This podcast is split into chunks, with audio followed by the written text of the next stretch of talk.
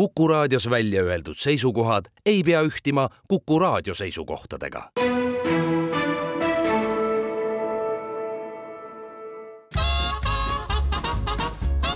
jäljed gloobusel tervist, kallid kuulajad, on neljateistkümnes detsember, kui te meid otse kuulate. seitsmekümne seitsmes saade sarjast Jäljed gloobusel on teie ees avanemas ja Väino Laisaar ning Andres Karu on mikrofonide taga. suur tere ka minu poolt ja natukene on tunda juba piparkoogi lõhna. oo oh jaa, oo oh jaa, kusjuures mulle väga meeldib piparkoogi lõhn, pean ütlema, kuidas sulle, Väints? ja meeldib, mingid aastad tagasi mind tutvustati täiesti uut tüüpi pipar, piparkoogi tegemise eh, nii-öelda moodusega. kui sa oled näiteks kuskil õhtul lõkke ääres siis paned selle tuleviisori peal on, on ju e, e, need sellised grillrestid, teed sinna sellise väikese e, tinapaberist kausikese ja mm, -hmm. ja teed piparkoogi taignast väikesed kuulikesed. Mm, -hmm. on ju, noh, siuksed nagu herne, vana hea hernekomm on ju, vot ja siis paned need sinna peale, need lähevad seal mõnusaks siukseks krõbedaks. hiiglava mõnus. oi kusjuures mul ema, ema teeb nagu vahel teeb eh, ka, ta teeb mitte niisugused eh, hernekommi suurused, vaid ta teeb niisugused oa suurused ja kõrvitsa suurused pallid, ei teeb oa suurused pallid umbes. Ja siis mõnusalt nagu äh, paneb nad äh, veel, ta paneb küll ahju, aga tal on veel üks hea komme, mis ta pärast teeb, et äh, ta siis või vist enne, et ta korra sutsab need nagu suhkru sisse ka, et tal jääb nagu see suhkrukristallid jäävad ühele, ühele poolele nagu peale ka veel. peale poole, vot see on ka tore, aga millest rääkida saabuvate jõulude eel. loomulikult tuleb jätkata sealt, kuhu eelmine saade pooleli jäi, ehk siis hakkasime hooga rääkima Portugalist, aga kuna jäime päris pikaks Assooridele, Portugalile kuuluvatele saartele jäime pidama, siis, siis ilmselgelt oli juba poole lindistamise pealt näha, et pääsu ei ole, tuleb teine saade veel teha ja, ja. siin me nüüd olemegi. sinna seisma jäämine ja oli ka täiesti arusaadav, sellepärast et Assooridel on ju äh, Portugali kõige kõrgem tipp milleks on siis äh, Pico Alto. kadus, on ju, kaks tuhat kolmsada viiskümmend üks meetrit mm. -hmm. sihuke vulkaaniline, nagu need kõik saared on seal. oi, kusjuures ma, ma pean ütlema, et noh, hüppame Assooridele siis kohe tagasi veel, et mulle väga meeldis teel üles siis umbes seal kohas, kus, kes mäletavad ja kes eelmist saadet kuulasid, kus Kristel ja Rene ühel hetkel äh, valesti ära pöörasid ja kuhugi allapoole minema panid vale teed pidi, siis äh, seal lähedal oli üks hiiglama kihvt koht, oli selline pisikene vulkaanikene no tõesti nagu noh, miniatuurne, ta oli see kraater. vulkaan. ja noh, jõu poisid, ma olen ka vulkaan siin, vahel ikka viskan üht-teist välja ka, aga ta oli selline noh, tundus, et kustunud juba tükk aega ja ma ütleks maksimaalselt äh, niisugune kahekümne meetri kõrgune vulkaanikraater, no ikka tõesti miniatuurne, eks ole. ja siis seal oli nagu, äh, seal oli auk oli külje peal sees, niisugune noh, paari meetri kõrgune. Ja siis selle augu ees oli värav, mis oli lahti. siis me läksime vaatama, et oot-oot-oot-oot, mis värk. Ja läksime sealt sisse. Ja siis selgus, et sees oli ilus murumaa, niisugune nii-öelda täiesti sile pind, täiesti samal tasapinnal nagu väljast sisse tulles ja, ja oli aru saada, et seal pabulate järgi, et seal siis vahepeal aetakse oma kari lihtsalt sinna ja lambad siis veedavad seal veidikene aega ja pole neil minna kuhugi, sest, sest ümberringi kolmsada kuuskümmend kraadi on igal pool üsna järsk siis vulkaani, vulkaaniline kraaterisein. kõlab natukene nagu selline aimamatu ajakuluga lamba röstimise seadeldis. No nagu Pekingi part on ju, et soojade jalgadega part sööb seda kastet, mis ta pärast maitsvaks teeb, onju. jah, just nimelt, äh, aga jah, tore oli vaadata, meie küll loomi seal sees ei näinud, aga noh, see, see pilt oli iseenesest väga. viimane partii oli valmis saanud. Just, aga ja, ja teine asi, kuhu, kuhu tegelikult veel jäi pooleli, on ju äh, et me käisime peale tipu, tipupäeva, jõudsime siis alla, läksime kämpingusse, panime telgid püsti, maksime olematu summa selle ööbimise eest ja siis läksime restorani sööma ja enne panime vaalavaatluse kinni ja järgmine päev me tõesti läksime vaalu vaatlema ja me valisime selle mooduse, et see suhteliselt kiire kaater on, onju mis, äh, mis nagu äh, noh, nii kui tuleb info, et ahah, vaalad on vot seal suunas on ju kahe kildi kaugusel, siis nad üsna kiiresti saavad äh, sinna lähemale tõusta, sõita, aga nendega mure on see, et nad teevad natuke rohkem lärmi ehk siis vaalad vaaladele üldiselt ikkagi lärm väga ei meeldi, nii et äh, rohkem pääsetakse isegi küll see võtab aega rohkem, aga lähemale pääsetakse isegi natuke suuremate alustega, mis on sellised rahulikumalt kulgevad ja ei ole nii äkilised. ja meie siis panime laineharjalt laineharjale, noh, hüppasime nõnda, et rappusime siis mõnusalt järgmisel päeval vaalavaatlusele. Ja siis öeldi, et üheksakümmend kaheksa protsenti on siis see tõenäosus, et vaalu näeme ja noh, me olime see kaks siis, kes ei näinud käisime, vahepeal oli mingid, noh, neil on ka seal mingid laevad ja kellega nad ühendust võtavad, onju, et äh, on näha, et aa, vot siit just oli läinud, onju, sõidavad kuhugi, siis binoklitega vaadatakse igale poole ja siis on see, et ikka nüüd ei ole enam. ja noh, delfiine äh, nägime päris palju, sõitsid, meie sõitsime kiiresti, delfiinid ujusid veel kiiremini. Tore oli neid vaadata, hästi palju proovisime pilte ka teha, aga noh, kes vähegi on delfiini äh, vaatlusel käinud, äh, need teavad, et äh, no tõesti on kiired loomad, nii et pild, pildi, pildistad liikuvas paadis delfiini tähendab seda, et on hästi palju pilte ookeani veest kuhu äsja delfiin on tagasi sukeldunud. sellega mul tuli meelde, kui esimesed äh, telefoni, äh, kaamerad hakkasid tegema, tulema mobiiltelefonide külge. ma siis parasjagu müüsin just mobiiltelefone äriklientidele ja, ja, ja siis võtsin ühe katsetamiseks, käis Ericssoni külge sihuke eraldi suur junn ka kaamera ah. alla ja, ja siis Favor Offroad oli üks äh, selline krossi üritus, mis seal Männiku tankodroomil alati toimus ja siis sättisin ennast pildistamiseks siukse pika sirge peale, kus siis mootorrattad tulid pikkade hüpetega. Ja see aeg nupule vajutusest kuni pildi valmis saamiseni oli nii pikk, et mitte ühtegi tsiklit selle pika sirge peal peale ei jäänud. Nojah, umbes nii oligi, aga noh, mingil hetkel sa muidugi tabad ära, et sa hakkad ennetama. Ja siis noh, kui ikkagi kakssada pilti teed, siis kolm on täitsa ideaalsed. Nagu peaaegu, et noh, isegi on näha silm mm -hmm. näiteks. aga vot jah, et äh, selline oli meie jah, ja siis äh, Assooride lõpetuseks issand ikka ei, ei kuidagi ei saa sealt, oleks pidanud tegema ikka eraldi saate. ma olen käinud ka seal ära, siis hakkame uuesti rääkima. et mis siis oli, et me olime ju lubanud ju ka lisaks veel äh, siis seal Hortas, Horta sellele sadama sadama baaripidajale olime ju lubanud, et me läheme Eurovisiooni vaatama.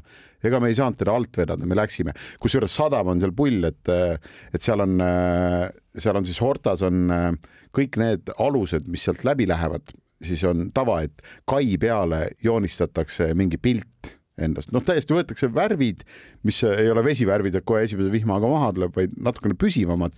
Ja siis joonistataksegi ja siis Marta oma ka, Marta oli seal varem ka käinud noh, mingi, mingi reisiga, kui nad ei teinud ümber pallireisi, aga olid varem ka käinud, nii et nad värskendasid ja tegid nagu juurde, kirjutasid ka selle kaks tuhat üheksa sinna ja et nad varasema arvu juurde ja kuidagi ja panid uued nimed, kes nagu meeskonnad olid vahetunud. nii et terve see kai on hästi värviline ja toredaid pilte ja sa leiad sealt erinevate riikide ja, ja paikade nagu keeli ja, ja, ja laeva nimesid ja, ja siis me läksime muidugi vaatama Eurovisiooni, nagu äh, oli lubanud baarimees, et väljas võite süüa teha, me siis Tiiaga seal tegime kaheksa väljas süüa kõigile, sees võtsime jooke ja värke ja, ja see oli hästi kihvt õhtu, sest äh, see baaripidaja ise oli selline üdine Eurovisiooni fänn, mis andis nii mõnusa õhkkonna juba, meie istusime pika laua taga ja mõned inimesed olid veel ja, ja fännasime, tema kogu aeg tantsis ja müttas ja, ja samal ajal serveeris jooke ja oli selline ülipositiivne, noh, hästi-hästi äge tüüp onju. ja siis, siis seal tekkis veel lisaks ah,, et kõigil meelde tuleks, aasta kaks tuhat üheksa oli siis see, kui Eestit esindas äh, üldse mitte mingi kolepunt, oli Urban Sümfoni ja tegid oma laulu see ah, Rändajad. ma mõtlesin, Leetos vett oli ei, olid see, see oli see aasta jah, kus oli Rändajad ja siis äh, Urban Sümfoni seda tegi, lõhmu see laul, see tai-tai-tai-tai-tai-tai-tai, mingi umbes selline, see on tee, nad rändavad siin päevast päeva, vot see, see lugu onju mm. -hmm. et äh, äge lugu ka minu arust, meil läks väga hästi, ma ei mäleta, mis koha me saime, mis tähtsus seal on, aga no esikümnes kindlasti minu arvates olime. ja siis äh, hästi tore meeleolu ja seal tekkis veel üks, üks tore nagu tutvus, Evelin seal äh, tutvus ühe see oli pull kooslus selles mõttes, et Rootsi, rootslane oli ta, üks niisugune mees, niisugune hall ikka juba peast ja, ja selgus, et tegemist on äh, ühe noh, selle kandi parima mastiparandajaga ja täiesti loogiline, et ta on Assooridel, kus siis hästi palju ümber maailma purjetavaid aluseid nagu läbi läheb, et siis tal ütleme niimoodi, et tööd seal on, nii kui mõni torm on, siis tal jälle on seal toimetamist ja ja siis ta noh, rääkiski oma põnevaid lugusid ja pühendas Evelin, Evelinile ühe luuletuse ja ja oli sedapidi ka nagu selles õhtus oli niisugust toredaid, toredaid hetki ja toredaid ja kohtumisi. Evelinist sai Rootsi mastiparandaja peaaegu ja, ja tema parem käsi on ju. vot ja siis lõpuks, kui Eurovisioon läbi sai, siis me me otsustasime, et me ööbime võimalikult, kuna järgmine hommik oli suht vara ikkagi lend tagasi nagu äh, põhimaale, siis me otsustasime, et me jalutame või siis, äh, või sõidame taksoga on ju lennujaamale võimalikult lähedal, paneme seal kuskil telgid püsti, sest äh, niisugune tunne on seal Assooridel, et tegelikult sa võid telgi panna praktiliselt igasse kohta ja keegi ei kobise. Nad on sellised rõõmsad, kui nad näevad sind noh, vaata see vahe näiteks hea on kan Kanaaridega võrrelda onju, et kui Kanaaridel sa kõnnid ja mingid inim-, suure seljakotiga ja pöörab pilgu mingi inimese poole, kes on sind jälginud, siis nemad on need, kes pigem pööravad pea ära, onju, et ei, ma küll sind ei vaadanud, onju. aga Assooridel, kui sa pöörasid, inimesed jäid seisma, vaatasid, mingid seitse debiilikut tulevad mingite suurte seljakottidega, täitsa hullud, onju ja kui sa vaatasid nende poole, siis eh, nemad olid just eh, need, kes selle peale viipasid ja naeratasid ja, ja lihtsalt ja, ja ma vaatasin, et tore onju. aga hetke pärast siis oleme teie kõrvades tagasi. vaatame, mul on Assooridest veel muidu lugusid, aga kas ma neid ka rääkima hakkan. Eh, julgen kahelda, sest äh, muidu väits muutub äkki vägivaldseks. jäljed gloobusel tere tulemast tagasi, seitsmekümne seitsmes saade Jäljak gloobusel räägib Portugalist, räägib Portugalist juba teist saadet järjest, sest ei suuda ma vait jääda kuidagi. aga nüüd ma lõpuks suudan. Assooridelt lendasime tagasi noh, ütleme siis maismaa Portugali ja tuletame rahvale, Väint, sinu abil meelde ka, et kui suur see maismaa Portugal või üldse noh, Portugal kokku on Eestiga võrreldes näiteks? jaa, väga mõistlik mõte. Portugal suuruse poolest üheksakümmend kaks tuhat kakssada kakskümmend viis ruutkilomeetrit, mis on siis umbes kaks korda suurem kui Eesti mm. -hmm. sellest hoolimata elab seal kümme koma kolm miljonit inimest mm, -hmm. on ju, aga paar asja tahaks veel toredat fakti välja tuua, on, on see, et vanal heal ajal oli siis Portugal hiigelsuur ja selline ablas koloni-, koloniseerija. ja käis ja krabas maa, maakera pealt endale pinda kokku. Ja, ja sellel hetkel, kui kogu see impeerium pauguga vastu taevast lendas, siis tänasel päeval kogu toonasel territooriumil asub nüüd viiskümmend kolm iseseisvat riiki on ju, ja, ja lisaks sellele jah, ja, ja, ja lisaks sellele portugali keelt täna kõneleb maailmas kakssada viiskümmend miljonit inimest, mis siis tähendab seda, et niisugune kahe Eesti suurune riik on siis oma keele suutnud viia niivõrd palju mööda maailma laiali, et seda siis kahesaja viiekümne miljoni inimese jagu eh, kõneleb. just ja suurim riik nendest on siis Brasiilia Lõuna-Ameerikas, mis eh, on siis ainukese Lõuna-Ameerika riigina on siis portugalikeelne, ülejäänud on hispaaniakeelsed mm. -hmm aga sina, Väints, ma, ma, ma julgen pakkuda täiesti huupi, et äh, kas kaks tuhat seitseteist, kui sa sinna esimest korda sattusid, kas põhjuseks võis olla seesama tiir, mis sa Euroopale peale tegid või? ja ma hakkasin tegelikult nüüd mõtlema senikaua, kuni sa siin lakkamatult rääkisid Assooridest ja, ja tegelikult ma tulen ühe korra Anna veel Assooride juurde Palun tagasi. jah, ma tulen tagasi selle isik, täiesti isiklikust huvist, et ma, ma olen nüüd jäänud kinni sellesse Assooride mõttesse, et kas muidu, kui sinna kohale lennata, sealt saab võtta rendiauto ja kõik need saared on justkui kohalike praamidega ületatavad? Vähemalt osad, mul on küll see, et sa mainisid seda, et eh, kuna sa guugeldades avastasid, et eh, ka nii-öelda Euroopa ametlik kõige läänepoolsem eh, punkt on ka seal kuskil kandis. vot, siis seal on nagu see, et keegi tuttav, kes sealsamas saare peal on käinud, ütles, et et see ikkagi oli tunniajane lend sinna okay., et see saarte vahe on ikka päris suur, tunni ajaga mis ma võiks öelda, oleneb lennuki suurusest, aga see peaks olema ikkagi niisugune julge kolm-nelisada kilomeetrit tegelikult mm, -hmm. mis tunni ajaga lendab ka väiksem lennuk. mõistan, tõenäoliselt mingisugune laid on keset metsa, lihtsalt on lipp peal ja, ja. aga ja, aga sa võid äh, praamiga võib proovida ikka, sest enamasti mingid, mingid alused seal käivad, lihtsalt see võtab siis tohutult aega ja sa, mul ei ole küll Assooridel pikalt loksumise, sest äh, nagu sellist kogemust, sest selle Fayali ja Pico vaheline maa ei olnud väga pikk aga mul on äh, Cabo Verdes ehk siis äh, Roheneeme saartel on küll ühelt saarelt teisele mineku kogemus, kus ma olin ikka merehaige nagu, nagu muiste, nii minnes kui tulles. Nii et see noh, oh, nii et kui, kui ma, ma selle, selle poole ka jätaks vahele, mul praegu just meenus selle, et lähed sinna ja see võib kaua aega võtta, mul sõber Raul kolas viis kuud mööda Ameerikat üksinda ringi ja siis nüüd natuke aega oli Eestis ja nüüd, kui viimati ühendust võttis, siis oli teel Islandile oma autoga ja sealt siis oli kolm päeva Taanist ülesõit Islandile. ja siis, kui Islandile kohale jõudis, Islandi tolliametnik küsis, et kaua oled? ta ütles, et no ma ei tea, sõidan üks kolm-neli nädalat ta ütles, ahah, no selge, aga tead, et järgmine praam Islandilt ära läheb kahekümne kolmandal märtsil nii et, et oh., et praegu on, on selline seis, et nüüd ta sõidab oma isu seal täis ja tõenäoliselt tuleb siis vahepeal lennukiga koju et vaevalt, et seal nii kaua midagi teha on. aga näed, jälle, jälle ma kaon juttudega ära kuhugi eh, imelikesse kohtadesse eh,. tõepoolest, ma olen siin juba selle saate käigus öelnud, et kaks tuhat seitseteist eh, oli siis ükskord, kui ma sinna sattusin, aga tõenäoliselt, väga suure tõenäosusega ma ikkagi olen varem ka sinna sattunud autoajakirjaniku tööd tehes, et erinevatele proovisõitudele, et, et ta ei, ei olnud nagu nii palju tundmatu riik, aga kaks tuhat kaheksateist oli jah, selline või kaks tuhat seitseteist oli siis selline rahulikuma tempoga minek ja ma siis sõitsin seda Traveler ringi tiiru tiiru eh, Euroopale kontuuri peale ja, ja kui sa siin rääkisid, et eh, Assooridel oli telkimine imeodav ja, ja kõik asjad olid kuidagi odavad, siis minu esimene kogemus oli absoluutselt vastupidine. ma tulin ülevalt eh, sealt Santiago de Compostela kaudu ranniku äärest siis Portugali sisse, mitte mööda kiirteed ja, ja, ja noh, nagu sain ilusasti üle piiri urgitsesin seal nende rannaäärsete teede peal, mis olid kohutavalt aeglased ja mingil hetkel tundsin, et, et ma nii aeglaselt ei saa sõita, et mul läheb pea läheb pahaks. ja, ja siis, ja siis ikkagi mõtlesin, et noh, et natukenegi edasi minna, jõuda kuhugi, et siis ma pean vähe kiirema tee peal minema.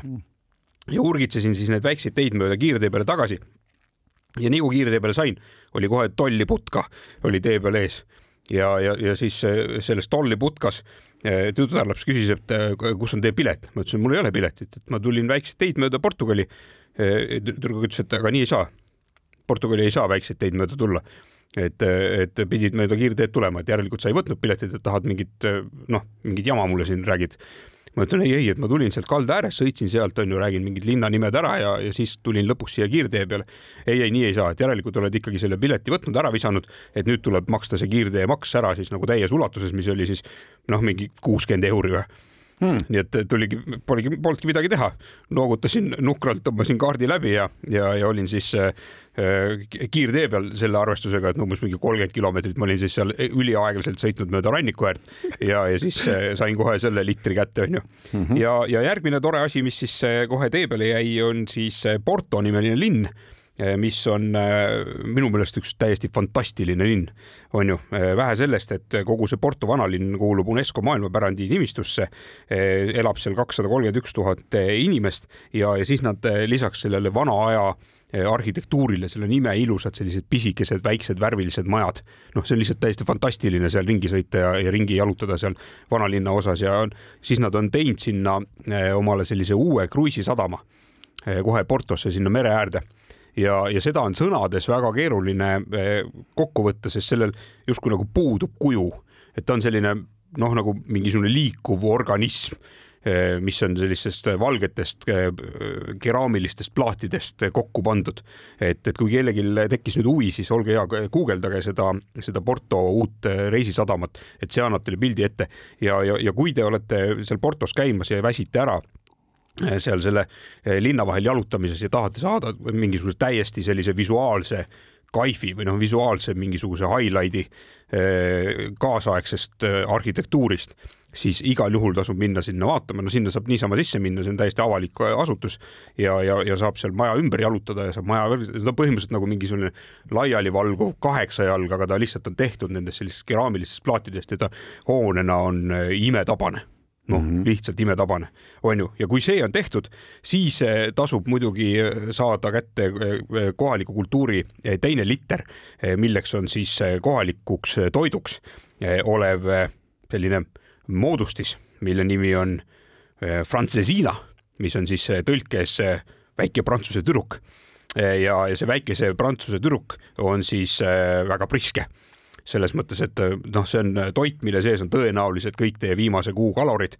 Äh, ja, ja, ja aga ta on noh, ta on väga maitsev, äh, ta on väga toitev ja ta on ka visuaalselt väga väga huvitav. noh, iseenesest on väga lihtne, põhimõtteliselt võtate kaks lehte seda ruudusaia onju mm. -hmm. sinna vahele paned siis ütleme sellise liharestorani menüüst võetud sellise ideaalse suure steigi ja siis valad kogu selle saianduse ja kogu selle steeginduse üle sellise paksu juustukihiga. Ja see on siis omakorda taldrikus veel mingisuguse sellise kastmega, kus sa saad mõlemad ila, lihtsalt mõlemad kuivatavad ila vahepeal, et kuivatage teie ka, kallid kuulajad. et seal on meeletus koguses kaloreid, aga kui vähegi tervis vastu peab ja arst lubab, siis ma soovitan seda proovida, sest see, see on noh, visuaalselt sama, sama hea kui ka maitse poolest, aga, aga noh, ta lihtsalt on nagu rets et, mhm. et iseenesest noh, suuruse mõttes ei ole väga palju, see kaks niisugust ruudusaia onju, eh, aga, aga noh, see lihatükk, mis seal vahel on ja, ja siis see juustu, juustukoorik, mis mhm. seal peal on ja ja siis ta on seal taldrikus mingisuguse väikse kastmekese sees, kus saad siis tõsta lusiga ka seda kastet sinna oh issand, mul tuleb see, ma ei ole seda kunagi maitsnud, aga ma nii tahan seda juba praegu. noh, hea hetkevalis ikka rääkimiseks, kui nagu juba stuudios on oldud mingi aeg ja siis oh jah, ja mul lihtsalt tuli meelde, et üks tuttav kokk just hiljaaegu ütles, kui me hakkasime eh, ka nagu mingitest maitsetest rääkima ja, ja minu huvitavast kehakujust ja kõigest muust, et siis ta ütles, et karu, aga seal ju tegelikult noh, ei olegi midagi teha, et eh, rasv on tohutult maitsev ja, ja nii ütleski, et ja, ja mina, noh, ta ütles ka seda, et tema lisab seda. see on nagu mingi inimsööjate vanasõna. ja, ja noh, eriti sobib, kui sa räägid nagu väiksest prantsuse tüdrukust, mis oli toidu nimi onju ja siis jah, et, et rasv tõepoolest võib anda väga hea maitse nagu paljudele toitudele, lihtsalt sellega võiks minusugusel olla mõõdukamad, ega ma muud ei oskagi öelda, aga maitsed mulle üldiselt meeldivad ja maitseid leiab loomulikult ka mujalt, nii et me, ma, ma üldse ei hakka siin kellegiga vaidlema, kuigi ma tahaks, onju. me mhm. räägime täna Portugalist ja me õnneks saame öelda selles suhtes õnneks, et et meile endale meeldib ka Portugalist rääkida, aga meil on õnneks kaks lõiku veel ees. praegu teeme aga väikese pausi. jäljed gloobusel. tere tulemast tagasi.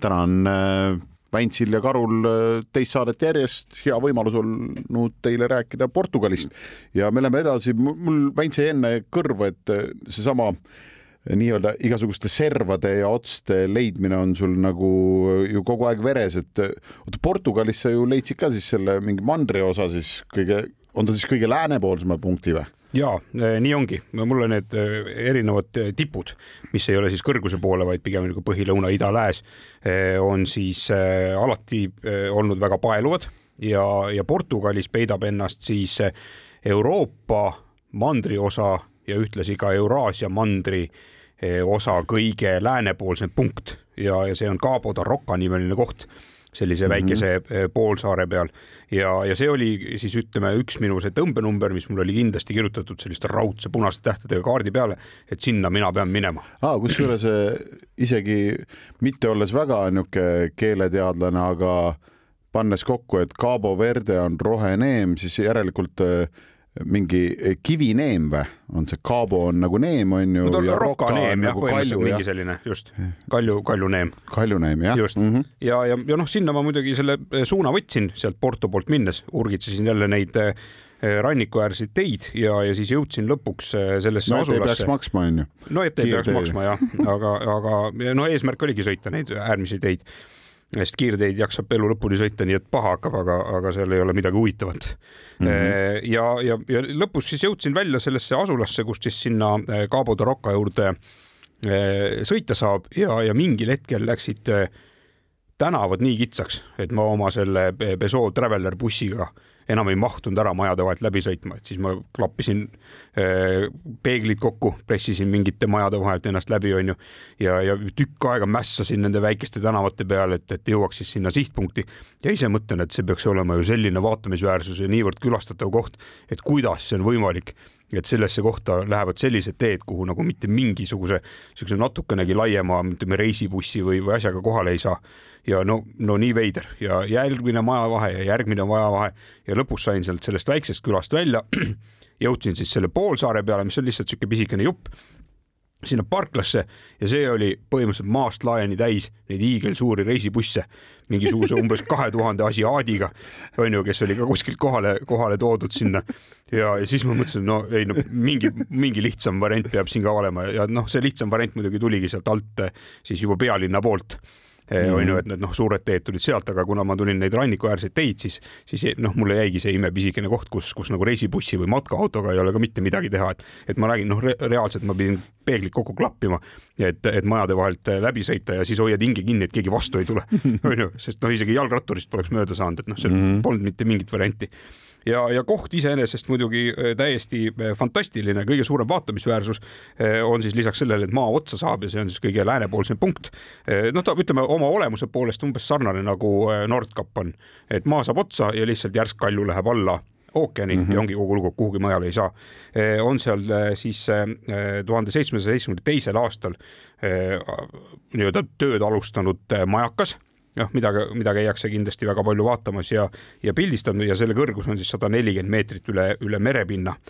Ja, ja noh, ütleme, seal on jalutamist võib-olla selline, rahulikult võtta, niisugune pool tundi kuni, kuni ütleme kolmveerand tundi, et ega seal nüüd väga palju midagi, midagi otseselt teha ei ole et aga, aga koht noh, minu jaoks on lihtsalt sedavõrd märgiline, et mul igal juhul oli vaja sinna eh, kohale sõita ja, ja kellele samamoodi mingisugused tipud huvi pakuvad, siis kahe käega soovitan.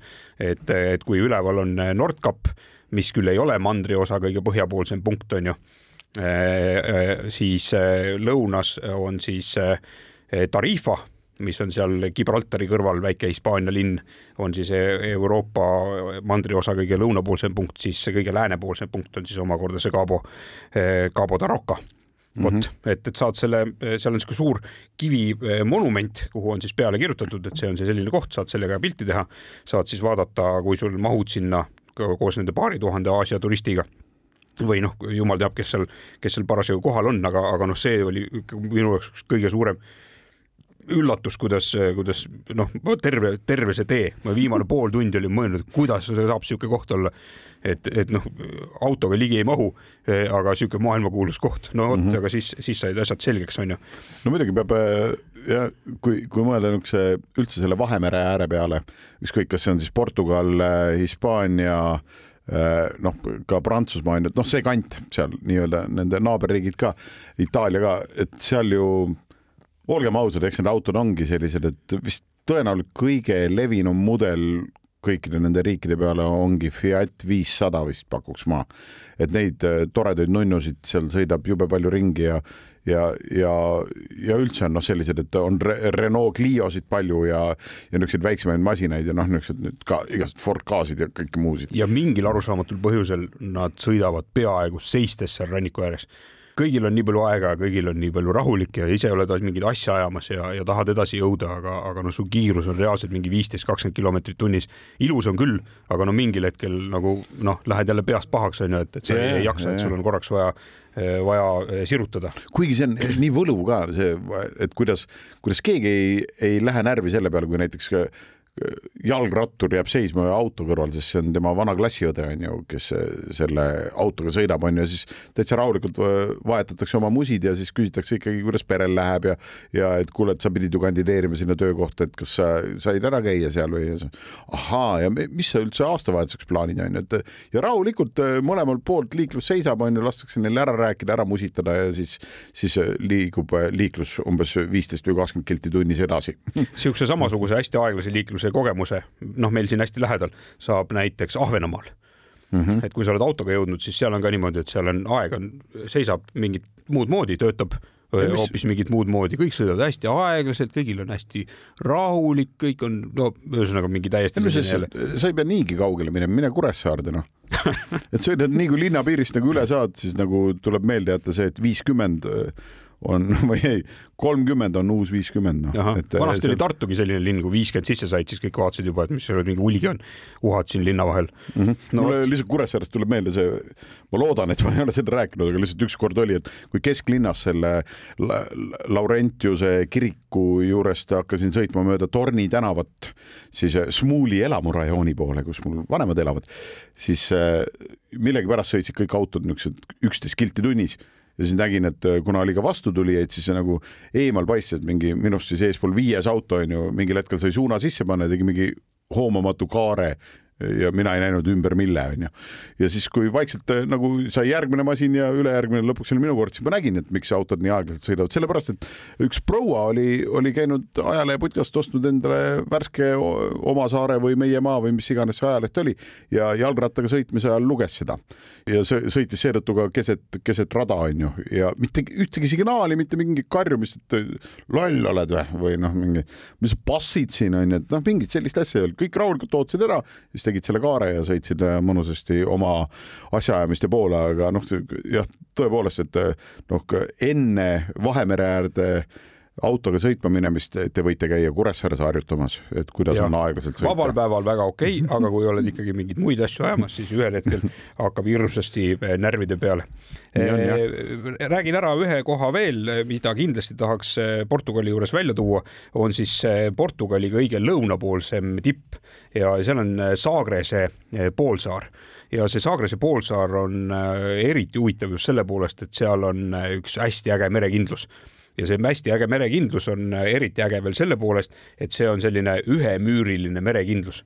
ehk siis põhimõtteliselt sinna poolsaare tippu on tõmmatud sipsti üksainus müür ühest kaldast teise ja, ja ülejäänud äh, kogu see saar on siis kaitstud äh, merest kerkivate noh, niisuguse kaljuseintega ah,. et äh, mõnus odav. no absoluutselt on ju mm -hmm. väga-väga lihtne teha, hakkad kindlust tegema, laod lihtsalt ühe joone maha uhke väravaga ja, ja, ja ongi kõik et see on nii-öelda külastajatele avatud, sinna saab rahulikult sisse minna, seal tasub võtta aega ringi jalutada. seal on ka üks väga uhke tuletorn noh mm -hmm., väga paljudele inimestele meeldivad tuletornid, eh, saab seal siis eh, seda tuletorni eh, vaadata ja, ja samas on ka see üle ääre vaatamine, noh, need looduslikud kaljud ikkagi tõusevad kümneid ja kümneid meetreid sealt nii-öelda Vahemerest ja siis, siis ookeani poole pealt välja mm. -hmm. ja, ja kuueteistkümnendal sajandil on siis ehitatud see, see kindlus sinna ja, ja see ja see tuletorn. Ja, ja sealsamas kõrval eh, on siis ütleme nüüd natukene siis lääne poole minna, eh, on siis järgmine erakordselt tore tuletorn, kuhu ka tasub eh, minna vaatama, kui ma nüüd õigesti mäletan, siis see võis olla Sao Viente, Vicente on siis, on siis selle koha nimi, nii-öelda Cape Vincent ja, ja seal on siis tuhande kaheksasaja neljakümne kuuendal aastal eh, rajatud tuletorn, mis siis algselt töötas oliiviõliga Oho. et veeti mm -hmm. oliiviõli sinna, pandi, pandi see põlema, noh, üleliia kaugele ta muidugi ei näidanud, et see oli vist sihuke kuus eh, meremiili Eh, mis on siis maakeeli, ütleme üksteist kilomeetrit, see oliiviõli eh, tuli paistis. Eh, aga noh, edasi on teda muidugi arendatud ja, ja kaasajastatud ja pandud sinna siis noh, mingeid tegusamaid valguse heitmise vahendeid. jah, tehke endale vahepeal üks jook või söök. jäljed gloobusel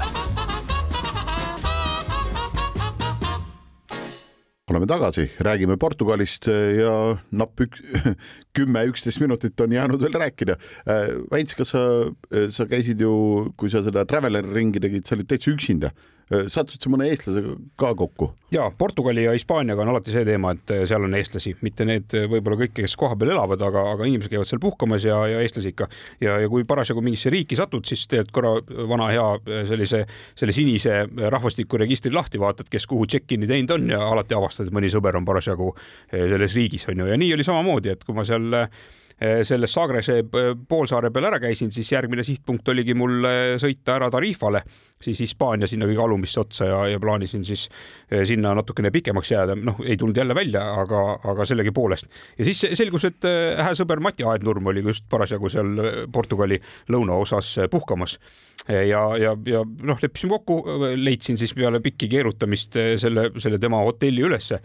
seal lihtsalt see asustus läheb nii tihedaks ja rannariba on hästi kitsas, hästi kõrged majad, et noh, seal tükk aega pidi ringi keerutama, enne kui me üksteist mm -hmm. sealt üles leidsime.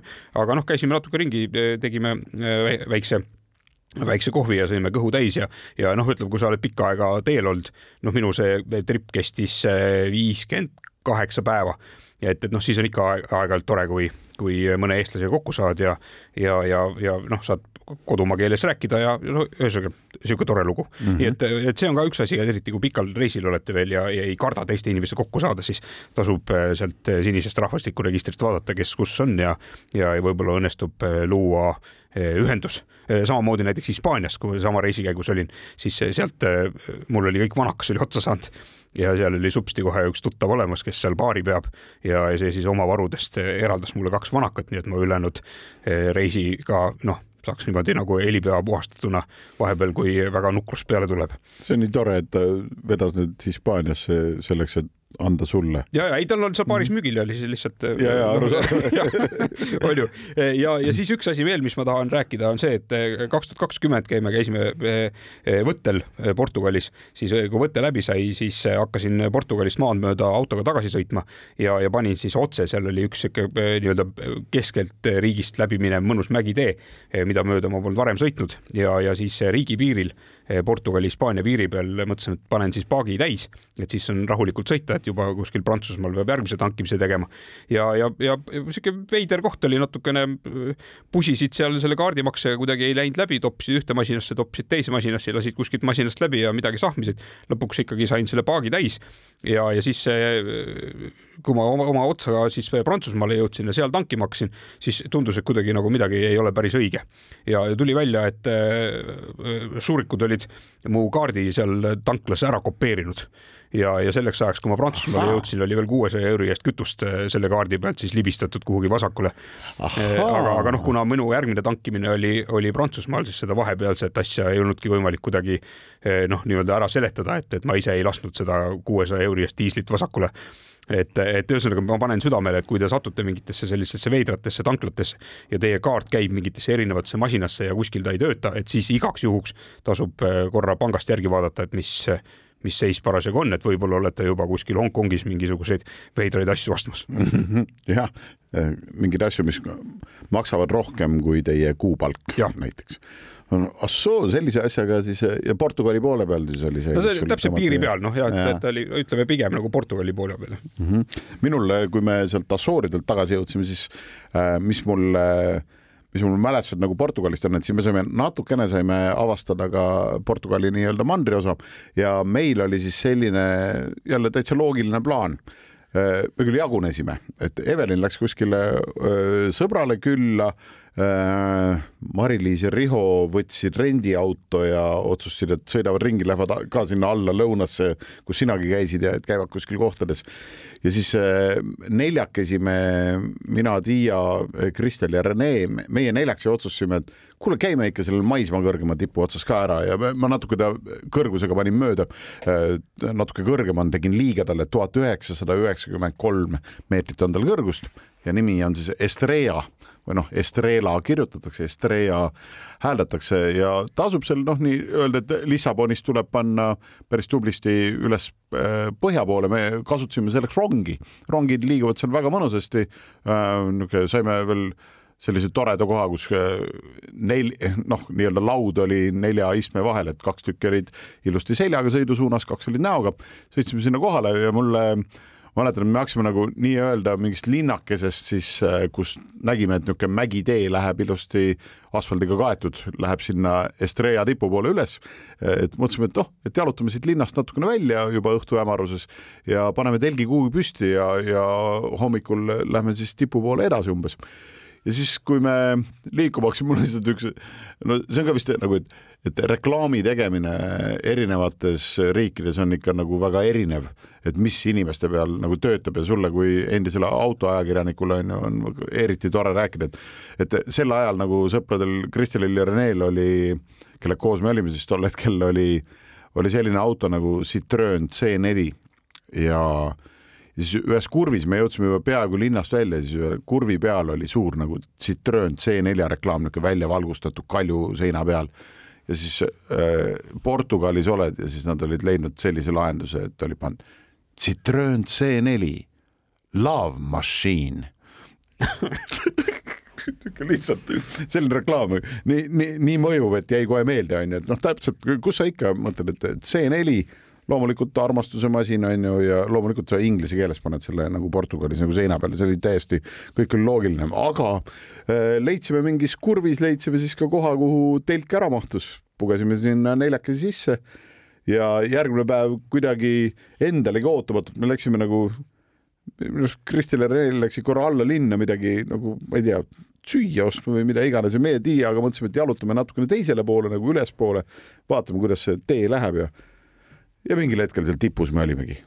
noh, ei võtnud kaua aega ja seal noh, vaadet, mingit suurepärast vaadet ei olnud, noh, see, ongi mingeid hooneid täis ja noh, niisugune seal noh, ikka näeb midagi ja niisugune on tore, aga nagu sellist, et kui te lähete Portugali, kindlasti minge ka Estrella otsa, et no nii ja naa, et tükki küljest ära ei võta, aga nagu niisugust nelja pöialt ka ei pane sellele.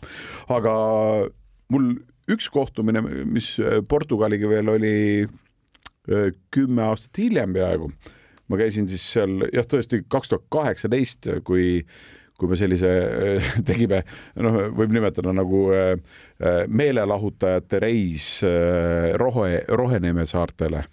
Oli siis, sattus niisugune punt, et meil oli Rando Tomson, kes tol ajal oli fotograafina üsna aktiivselt tegev, siis oli sellises cover'i bändist nagu Sleepwalkers oli Esko Tepper ja siis oli veel selline lauljal nagu Alen Vesiko oli, oli pundis ja noh, Assooridel või sellel Cabo Verdes kohtusime veel minu ühe ühe kõige tihedama matkakaaslase Aare hommikuga.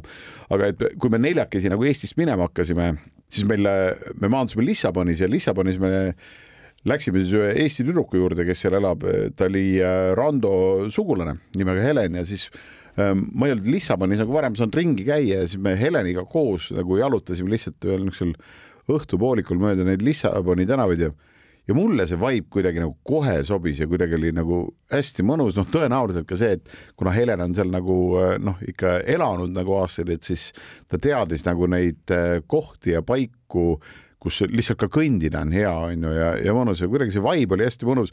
Ja kuidagi see tuli kaasa ka nagu Heleni korterisse, kus me siis äh, kõik siis äh, ööbisime kuskil äh, põranda peal reas, on ju, siis seal ka, et õhtul ikka noh, ma ei ole eriline veinijooja, aga millegipärast nagu vot, vot Lissabonis õhtul noh, jood ainult veini, noh, niisugune tunne on et see oli kuidagi hästi mõnus. Ja siis vahepeal käisime seal Cabo Verdes ära ja siis, kui tagasi tulime, siis meil oli jälle enne tagasijõudmist, me kusjuures jõudsime veel niimoodi, et kõigepealt äh, Alen äh,, mina ja Esko jõudsime kolmekesi, et siis Heleni tegelik sugulane, sugulane Rando siis oli see, kellel lennupilet oli ostnud meist nagu erineval ajal, siis tema lend oli läbi Assooride, nii et ta jõudis meist natukene hiljem, jõudis sinna tagasi äh, Heleni juurde. Ja siis äh, olime jälle ühe öö seal ja, ja kõik oli nagu niisugune déjà vu jälle, et äh, tegime veinid lahti ja, ja jube mõnus oli kuidagi, nii et mulle, mulle kuidagi see Portugal ja, ja isegi ka Lissabon ise, et ei, mitte ainult loodus, et sobib kuidagi väga hästi,